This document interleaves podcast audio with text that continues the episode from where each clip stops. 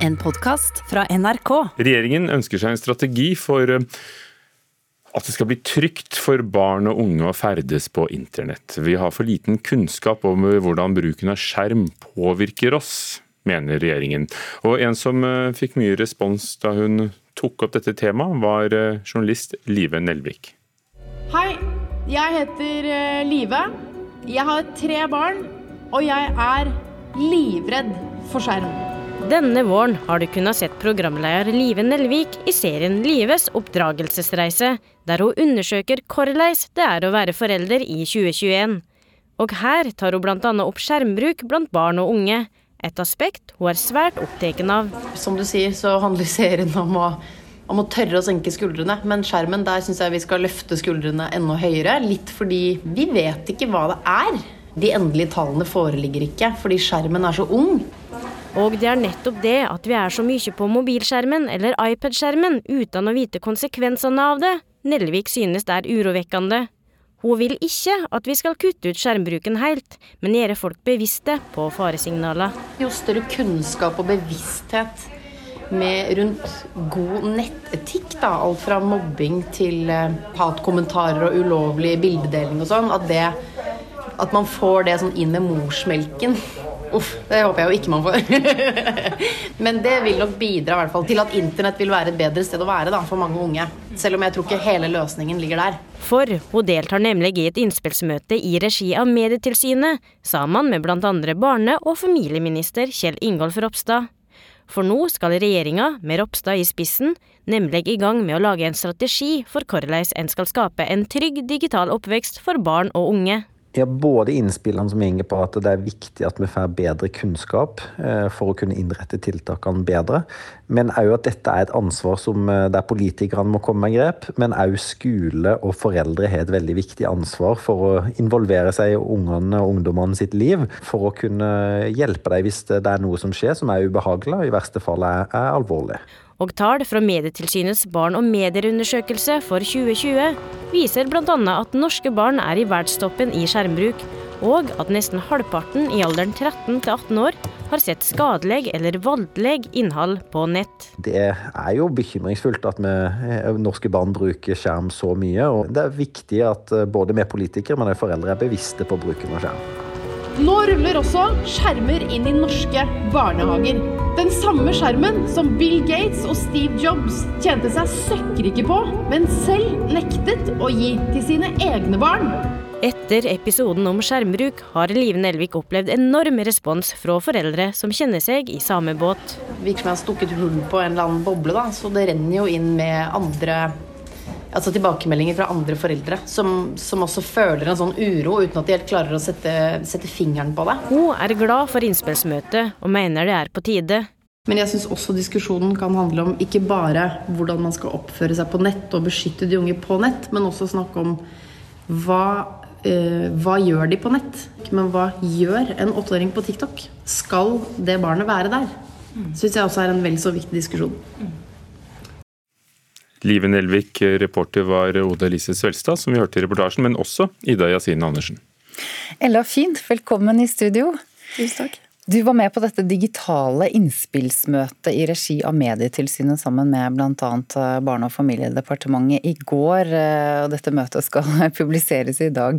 Du er 16 år og selvfølgelig mye på nett. Vi hører Live Nelvik, programleder, si at hun er livredd skjerm. Har hun grunn til det? Nei, det syns jeg egentlig ikke. Sosiale medier er utelukkende veldig positivt. Eh, og man lærer veldig mye av å være på nett. Man har jo tilgang til ekstremt mye god informasjon, sånn som nyheter f.eks., i en yngre alder enn det man hadde før. Eh, så skal det sies at eh, barn og unge i Norge i dag gis altfor dårlig digital kompetanse. Og av den grunn så kan man jo være litt redd for hva konsekvensene er. Men jeg tror ikke løsningen er å ta barn og unge av sosiale medier, men heller gi dem eh, tilstrekkelig digital kompetanse. Ja, hva tenker du er viktig når regjeringen eh, nå skal lage en plan for hvordan man skal gjøre det mer trygt for barn og unge på nett? Jeg tror det aller viktigste er jo egentlig å satse på dette med kompetanse og kunnskap. Eh, både blant foreldre og lærere, eh, og dermed sånn at de kan lære det videre til elever. Eh, fordi i dag så blir ofte telefonen bannlyst på skolen. Særlig på grunnskolen så er det ofte mobilforbud. Og man lærer veldig lite om hvordan man kan bruke den som et godt verktøy. Og isteden så ses det på en måte på som en djevel. Og jeg tenker hvis man hadde hatt eh, hvis man hadde hatt telefonen som et virkemiddel i klasserommet, så er det også lettere å skjønne når man skal legge den bort, og når man skal bruke den. Eh, så jeg tror det er det aller viktigste. Og så tror jeg også at man må lære om nettvett, algoritmer, nakenbilder, eh, og ikke bare ha liksom en time i året hvor man eh, har litt fokus på nettvett, men at det er en gjenganger eh, i løpet av skoleåret. da. Ja, jeg vet at du er opptatt av dette med seksualundervisning, eh, og at det skal være en eh, viktig del av arbeidet med å gjøre det trygt på nett. Kan du forklare hvorfor eh, du er opptatt av akkurat det?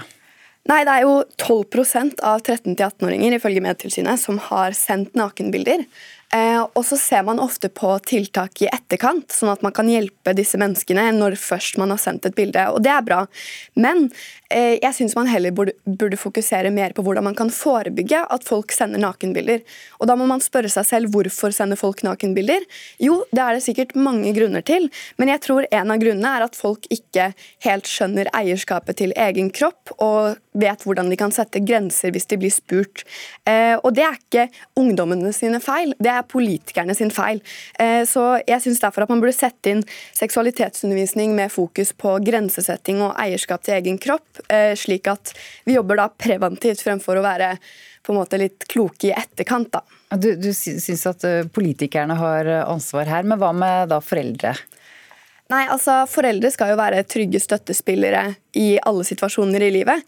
og jeg tenker Det samme gjelder jo når det først skjer noe på nett. Men Eh, jeg tror man burde sette hovedfokus på skole, og at politikerne setter inn tiltak i skolen. fordi eh, evnen til foreldre er ulik når det kommer til digital kompetanse.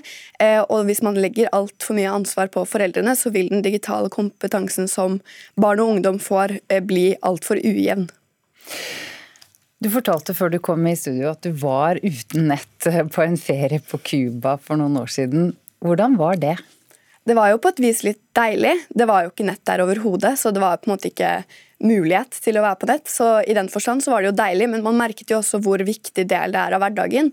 Og hvordan eh, kommunikasjonen jeg har med vennene mine hver dag, er veldig viktig for meg. Eh, og også det å ikke kunne lese nyheter, f.eks. Det er også en viktig del av det å være på digitale medier eh, og ha tilgang til medier og lignende Eh, ja, lignende kilder. da.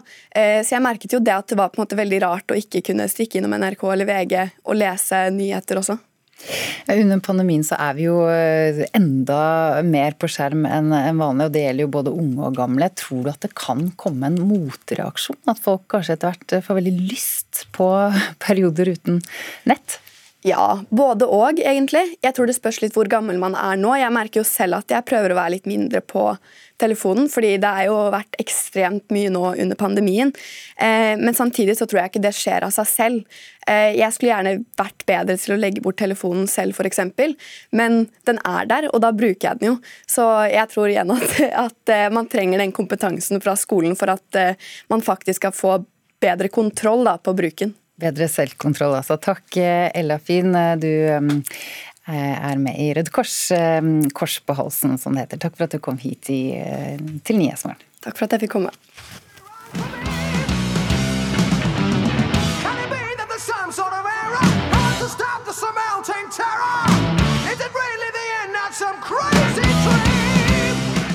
Iron Maiden skulle spilt i Norge i sommer, blant mange andre band. Og hva skjer, kulturreporter Hedder Ørbekk Eliassen?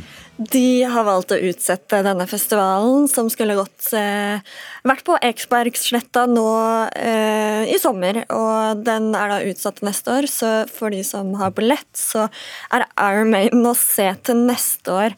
På Tons of Rock, altså. På Tons of Rock, og mange har jo da gledet seg til en festivalsommer, og, men kanskje også innsett at eh, kanskje ikke blir noe av, eller i hvert fall kanskje blir litt annerledes. da. Jeg tror mange vil, vil ha begynt å få en um, bang anelse, men festivaler avlyser, uh, og likevel er det noen som fortsatt håper å kunne gjennomføre noe, et eller annet. et eller annet, og bl.a. Miniøya, altså en barnevennlig versjon til Øyafestivalen, de har planlagt en pandemivennlig festival. De har jobbet seg grundig gjennom med ulike scenarioer og landet med en festival med 1400 publikummere, og de har til vanlig 17 000. Og da er planen at de skal dele arrangementet opp i, i eh, små arrangementer med 200 publikummere. Mm. Når kommer denne skal vi kalle det komprimerte festivalen til å gå av stabelen? Vi kan kalle den en komprimert festival. 11. juni, og det er jo bare noen uker før Tons of Rock egentlig skulle gått av stabelen. Og de skal også lansere en ny festival, Minøya Babyfestival. Jeg vet ikke om det kanskje er Norges første babyfestival. Så den er også da planlagt. Planlagt, men blir det noe av? Det vet man jo ikke, da. Eh, gjenåpningsplanen til regjeringen forrige uke tillater jo faktisk 200 personer på arrangementer utendørs med 200 omgangen, eh, for å si det òg. 200 spedbarn?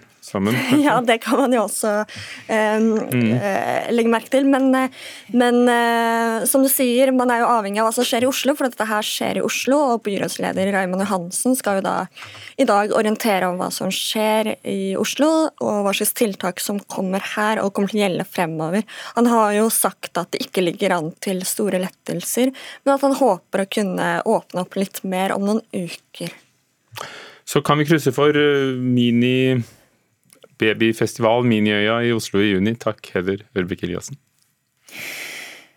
Nå skal det handle om ehm, litteraturen med stor L, eh, og du har kommet til studio, litteraturkritiker kritiker Marta Norheim. I fjor høst så hevdet du at 2020 var det store debutantåret, eh, da det var uvanlig mange sterke debutanter. Og nå er du her med en debutroman eh, som heter 'Når alt er av papir'. Den er forfattet av 20-åringen Sunniva M. Roligheten. Blir 2021 et like sterkt debutantår som fjoråret, tror du?